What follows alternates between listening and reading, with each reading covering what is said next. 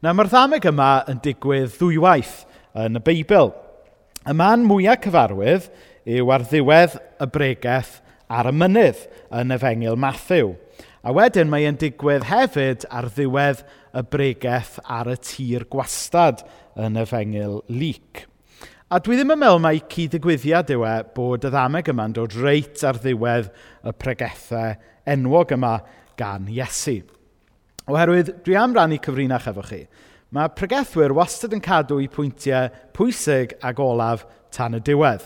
A, a mae hwnna'n wir yn pob maes hefyd. Os da chi byth wedi bod i uh, gig Dafydd Iwan, mae e wastad yn cadw yma o hyd tan reit ar y diwedd. Mae e'n cadw y rhai gorau, y rhai mae pobl eisiau i clywed tan y diwedd. Felly, mae'n arwydd a cael, dwi'n meddwl, fod Iesu yn cadw y ddameg yma tan reit ar ddiwedd i bregethau enwog yn efengil Matthew ac yn efengil Lyc. Oherwydd dyma mewn ffordd ydy'r ddameg sydd yn ymwneud a neu sens o popeth arall. Mae ynglyn â be ydy sylfaen bywyd, mae ynglyn â be ydy sylfaen ffydd. Nawr, mae'r hediad y ddameg yn eitha syml. Mae dyn yn codi tŷ mewn un lle, a mae dyn yn codi tŷ mewn rhywle arall. Wedyn, mae yna storm yn dod, mae, mae storm fod dod wythnos hyn, beast from the east, mae'n debyg. Ond um, nawr mae un tŷ yn sefyll, ond mae tŷ arall yn syrthio. Na mae effaith y storm ar y tŷ yn dibynnu sut a lle gafodd e i adeiladu. Nawr, mae yna wahaniaeth rhwng y fersiwn sydd yn efengil Matthew a'r fersiwn sydd yn efengil Luc. Yn efengil Matthew, beth sydd gyda chi ydy'r fersiwn sydd fwyaf cyfarwydd falle, sef tŷ ar graig a tŷ ar y tywod. Ond yn efengil Luc mae y bach yn wahanol. Beth sydd gyda ni ydy um, un tŷ efo sylfaen ac un tŷ heb sylfaen. Nawr, os chi'n sylwi, mae'r variable yn wahanol. Um, yn efengil Matthew, y lleoliad sy'n wahanol. Mae un ar y graig a mae un ar y tywod. Ond yn efengil Luc, mae'r ddau di yn yr un lle, ond beth sy'n wahanol ydy sut maen nhw wedi cael i adeiladu. Ac er mae fersiwn Efengil Matthew sy'n fwyaf cyfarwydd, Bore yma, da ni'n mynd i feddwl chydig bach am fersiwn y fengil lyc. Oherwydd dwi'n meddwl fod y fersiwn sydd yn efengil lyc yn dysgu gwirioneddau um, dyfnach a falle mwy amserol i ni ar hyn o bryd. Nawr y pwyslais yn efengil lyc, fel o'n i'n dweud, oedd bod y ddau di wedi cael ei adeiladu yn yr un lle, ond mewn ffordd wahanol. A dwi'n meddwl fod gwers ymarferol iawn fan hyn i ni pan i ni'n meddwl am adeiladu yn bywyd ac yn arbennig ynglyn â adeiladu yn ffydd ni. Nawr, os chi'n meddwl am y peth, pan i chi yn rhoi eich ffydd yn Iesu, mae'n amgylchiadau ni, fel arfer, actually, yn aros un peth. Dydy'n lleoliad ni ddim yn newid. Pan o'n i'n ifanc a nes i um, ymddiriad yn Iesu am y tro cyntaf, o'n i'n byw yn Aberystwyth. A'r munud ar ôl i fi roi trust yn Iesu, o'n i dal yn byw yn Aberystwyth. Ar ôl i ni drystio yn Iesu, ar rywydd yn ymarferol, dydy pethau ddim yn newid dros nos. Mae'r un pethau o'n cwmpas ni, yr un bobl o'n cwmpas ni, yr un problemau falle o'n cwmpas ni. Dydy'n lleoliad ni ddim yn newid. Ond beth sydd wedi newid ydy y gwreiddiau a'r sylfaen i'n bywydau ni. Er yr un lleoliad, ni nawr yn adeiladu yn bywyd ar sylfaen wahanol. Oedd yna gan uh, enwog, dwi'n meddwl nath ennill Can i Gymru nôl yn 90au. Oedd yn mynd, dwi'n berson gwahanol, ond yn yr un hen le. A dyna'n aml yw profiad y Cristion. Ar ôl i ni gredu yn Iesu, ar ôl i ni gael yn gwefreiddio gan gariad gras am y ddeiant Iesu, da ni'n berson gwahanol, ond yn aml yn yr un hen le. Yr un pobl o'n cwmpas ni, yr un problemau falle o'n cwmpas ni. Ond mae yna wahaniaeth sylfaenol hefyd. Sef bod ni nawr wedi gosod sylfaen, bod ni wedi gosod gwreiddiau yn Iesu Iesu Grist. Nawr, does dim angen PhD i weithio mas be ydy'r sylfaen yn y ddameg yma. Ond y sylfaen, wrth gwrs, ydy Iesu Grist i hun. Nawr, er mwyn gwir gwerthfarogi beth sy'n mynd mlaen yn y ddameg yma, a'r delweddau mae Iesu'n defnyddio, mae rhaid i ni neidio mewn i'r tardus a mynd yn ôl mewn peiriant amser i gyfnod Iesu ar y ddeiar. Nawr, un peth yn anhygol, dwi'n gwybod os wnaethoch chi weld y newyddion um, wythnos yma, ond nhw ffeindio uh, olion rhyfeinig newydd yng Nghernarfon wythnos hyn, oedd yn mynd nôl i'r ganrif gyntaf. Um, sef basically cyfnod le oedd pobl oedd llythrenol wedi gweld Iesu ar y ddeiar wedi byw. Nawr, mae hwnna jyst yn anhygoel, ond side point oedd hwnna. Ond da ni eisiau mynd nôl i'r cyfnod yna. Nid y cyfnod yna yng Nghernarfon, ond y cyfnod yna yn Palestina. Nawr, um, hyd yn oed heddiw, ddim ar chwarae bach y byddech chi yn adeiladu tŷ. Dwi'n gwybod mae, mae Cynan fan hyn gyda fi yn y capel. Dwi'n gwybod mae Cynan yn adeiladu camperfan ar hyn o bryd. A dwi'n siŵr nid ar chwarae bach mae rhywun yn adeiladu camperfan. Ond yn sicr ddim ar chwarae bach mae rhywun yn adeiladu tŷ. Hyd yn oed heddiw. Um, nawr, fi wrth y modd watcho rhaglenni um, fel adeiladu ar y teledu, pethau fel um, DIY, SOS a cowboy builders a pethau fel yna. Mainly achos bod fi'n cowboy fy hun pan mae'n dod i pethau fel yna. Ond, um, ond mae'n ddiddorol dydy gweld sut mae um, tŷ neu adeilad yn cael ei adeiladu. A mae'r rhaglenni yna yn aml yn dangos gymaint o waith caled sy'n mynd mewn iddo fe, hyd yn oed pan mae gyda chi bobl sy'n gwybod beth maen nhw'n wneud, a hyd yn oed pam mae gyda chi beiriannau a tools a pethau wedi creu ymlaen llaw. Nawr, os ydy e'n dipyn o waith adeiladu tŷ a gosod sylfaen heddiw, dychmygwch hyd yn oed fwy o waith oedd e i adeiladu tŷ nôl yn amser y Beibl. Pan oedd dim jacod i baw, pan oedd dim power tools, pan oedd chi methu prynu breeze blocks o Travis Perkins sydd ddim wedi sponsro yr bregaeth bore yma. Um, nawr yn amser Beibl, oedd adeiladu tŷ a gosod sylfaen yn waith caled. Ac oedd e'n rhywbeth bydden nhw'n wneud yn yr haf yn byd y Beibl. Ac mi oedd yr tir yn Palestina, mi oedd e yn dir yn math arbennig o bridd oedd yn mynd yn galed, galed, galed yn ystod misoedd yr haf. I ddeud y gwir, yn yr Hen Testament, mae e'n dweud fod y tir yng Ngwlad yr Addewid yn mynd mor galed ac efydd yn ystod yr haf. Nawr, mi oedd yna ddau broblem felly os oeddech chi eisiau codi tŷ uh, yn y wlad yna yn yr amser yna, yn yr haf. Sef, i ddechrau, achos bod y tir mor galed, Mi, mi oedd e'n ofnadwy anodd i gloddio lawr mewn iddo fe. A bryd hynny o rai chi wneud e um, gyda, gyda'ch bôn braich eich hun. Ond yr ail broblem oedd, oherwydd fod y tir mor galed, oedd e'n gallu rhoi rhyw false sense o security i chi.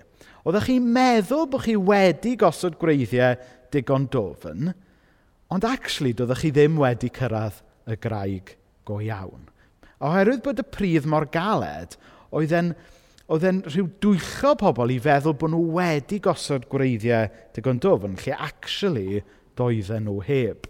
Ac wrth gwrs, rai misoedd wedyn oedd y tywydd yn troi a mi oedd y pridd oedd yn galed yn yr haf yn mynd yn slwdge chwyr yn y geiaf a mi fydde tai wedyn yn syrthio i lawr.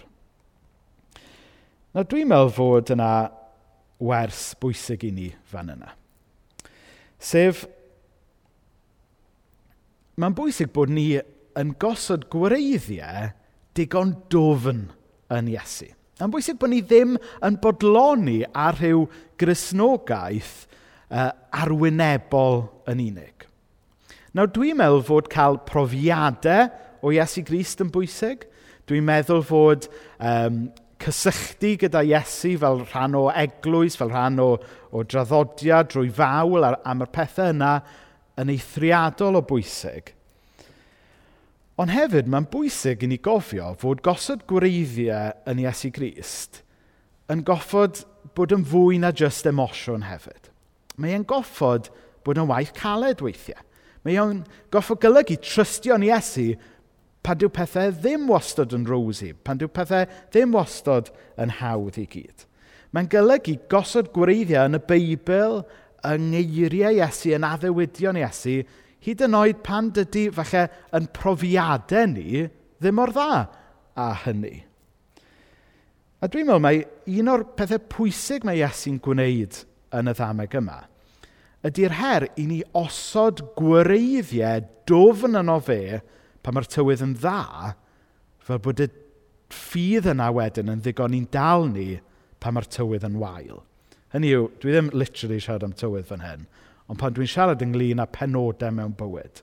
Achos da ni gyd yn dydyn yn profi cyfnodau fwy hawdd mewn bywyd, a da ni gyd yn profi penodau fwy anodd mewn bywyd.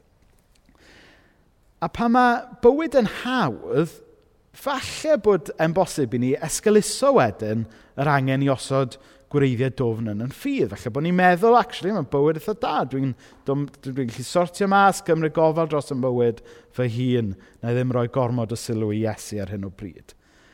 Ond beth ddylen ni wneud pan mae fod yn hawdd ydy dyna'r foment i rili really gosod gwreiddiau yn Iesu. Achos pan mae wobbles bywyd yn dod, pan mae pethau oedden ni arfer pwysau arnyn nhw wedi mynd, dyna pan da ni eisiau'n ffydd ni fod wedi gwreiddio mor ddofn nes bod e'n cadw ni yn y storm yna. Ac i ddweud y gwir, rhyw fath o ticking time bomb mewn gwirionedd ydy ffydd sydd ddim wedi wreiddio yn Iesu a'i addewidion. Na mae'r ddameg yma yn esgoffa ni gobeithio mae Iesu yw y sylfaen Ond eto, ni i ddisgyblionau e ydy'r adeiladwyr. Hynny yw, Iesu yw y sylfaen, ond mae yna gyfrifoldeb arno ni i adeiladu ar y ffydd yna. Iesu yw y sylfaen, Iesu yw y graig, y gongl fain, neu'r cornerstone. Ond mae yna gyfrifoldeb arno ni i fod o ddifri fel disgyblion Iesu. I ni beidio jyst disgwyl cael popeth ar blat. I ni beidio sort of isten nôl yn ein bywyd chrysnogol. Ond bwysig i ni fynd ar ôl Iesu a popeth mae Iesu amdano fe. Pan ni'n gweld bits o'r Beibl falle'n anodd i ddallt, mae'n bwysig bod ni'n dal ati. Pan da ni falle yn gweld Cristion arall yn, yn stryglo efo rhywbeth, mae'n bwysig bod ni'n rhoi braich o'i cwmpas nhw, yn yr un ffordd os ni'n gobeithio fysa yna grisiwn arall yn rhoi braich o'n cwmpas ni. Iesu ydy'r sylfaen, ond ni ydy'r adeiladwyr.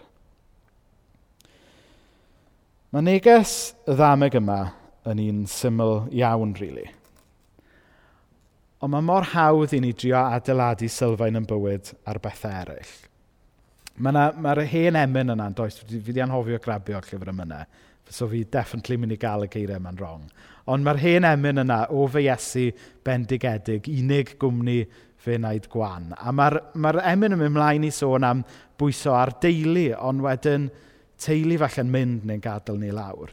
Pwy, pwyso ar ffrindiau, ond wedyn y ffrindiau mynd. Pwyso ar hawddfyd, hynny yw bod chi got it all together gyda job dda, to i'ch pen. Ond falle hwnna hefyd yn syrthio i ddarnau. Ond wedyn mae'r emyn yn gorffen drwy ddweud pwyso ar Iesu. Dyna ddigon sydd yn... Cywon Arwel, atgoffa fi, sy'n mae'r emyn yma'n gorffen? Ti ddim yn cofio, o oh, reit. So, ni'n wych ar y traddodiad emynyddol Cymraeg yma. Oce, okay, reit, na ni, ac rhywun roed ar y chat. Ond chi'n deall pwynt yr emyn gwych yna, dwi ddim yn cofio. Um, Ie, yeah, dyna, ie, yeah, dyna ni. Oce, okay, mae hwn mor slicau, sori. Ond, basically, chi'n deall y pwynt fi trio wneud. I ni'n gallu pwyso ar bob math o bethau, ond mae pethau yna, maen nhw'n iawn yn ei lle, ond falle bod nhw ddim yna trwy'r cyfan. Ond pan i ni'n rhoi yn ffydd a'n sylfaen yn Iesu, mae e'n sticio efo ni drwy unrhyw brofiadau, unrhyw beth mae'r byd yma yn taflu ato ni. Iesu yw'r sylfaen sydd yn cadw ni ym mhob storm. Nawr, dwi jyst mynd i blygu pen mewn gweddi, ac ar ddiwedd y weddi wedyn, byddwn ni'n gweld uh, ffilm sy'n helpu ni fyfyrio mwy ynglyn â hyn. Wel, y ddiw dad, da ni jyst yn diolch i ti uh, am y ddameg yma, uh, sy'n atgoffa ni ynglyn â, neu o leian gofyn y cwestiwn le mae'n sylfaen ni. O ddiw dad, maddau ni am osod sylfaen yn bywyd falle ar yn gwaith, arian, teulu a ffrindiau. I ni'n diolch am y pethau na o ddiw dad, maen nhw yn fedithion.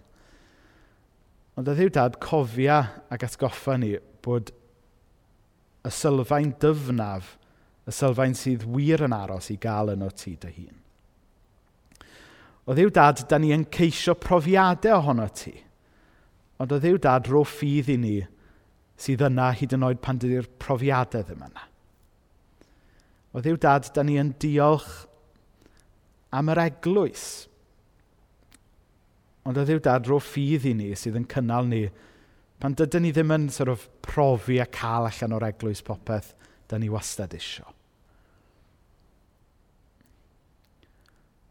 O ddiw dad, da ni'n diolch fod ti yn llawn maddeiant ac yn llawn cariad. A pan mae popeth arall yn syrthio ffwrdd, bod ti dal yna yn sefyll efo ni. Amen. Ie, yeah, so mae'r clwb coffi uh, ar ddiwedd yr oedfa, ond nawr ni'n mynd i wylio ffilm, a wedyn fydd y uh, cadi a'r band y dod nôl fyny. Ar be dwi'n sefyll? Mae'n hawdd edrych. Gweld bai, gweld gwendid, gweld hunanoldeb. Welest ti be nath e, glywes ti be ddudodd hi. Craffu yn fanwl ar rywun arall. Syllu ar bopeth sydd o'i le yn rhywle arall. Pe bai e mond yn trystio diw. Beth amdana i? Dwi'n trystio diw. Ydw i? Bob amser? Wel, a rhai pethau. Arian? O, ydw i reswm. Iechyd? Nes mod i'n sal? Teulu? Weithiau? Weithiau? Ond mae'r glaw yn dal i ddisgyn, a'r gwynt yn dal i chwthu a dwi'n dechrau sy'n samni. Dwi ar y graig, ond mae dal yn oer yma, a mae dal yn lib. Dwi'n cael sefyll ar y graig a byw yn y golau, yn ôl y gair. Byw ar y graig a'i oleini, yn datod clymau fy nghyfrinachau. Nawr mae pethau tywyll yn glir. Mae e'n datguddio pethau sy'n ddirgelwch llwyr. Mae e'n gweld beth sy'n y tywyllwch. Mae golau o'i gwmpas e bob amser. Mae'r golau yma'n scary. Ond, mae'r golau hwn yn caru yr un y mae'n ei weld. Dwi'n cael dod â pethau i'r golau achos ti arglwydd yw'r golau. Dangos i fi Iesu lle mae'n rhaid i yn sefyll. Dangosodd diw i ni gymaint mae'n ein caru ni, drwy i'r Mesoea farw droson ni, pan oedden ni'n dal i bechu yn ei erbyn.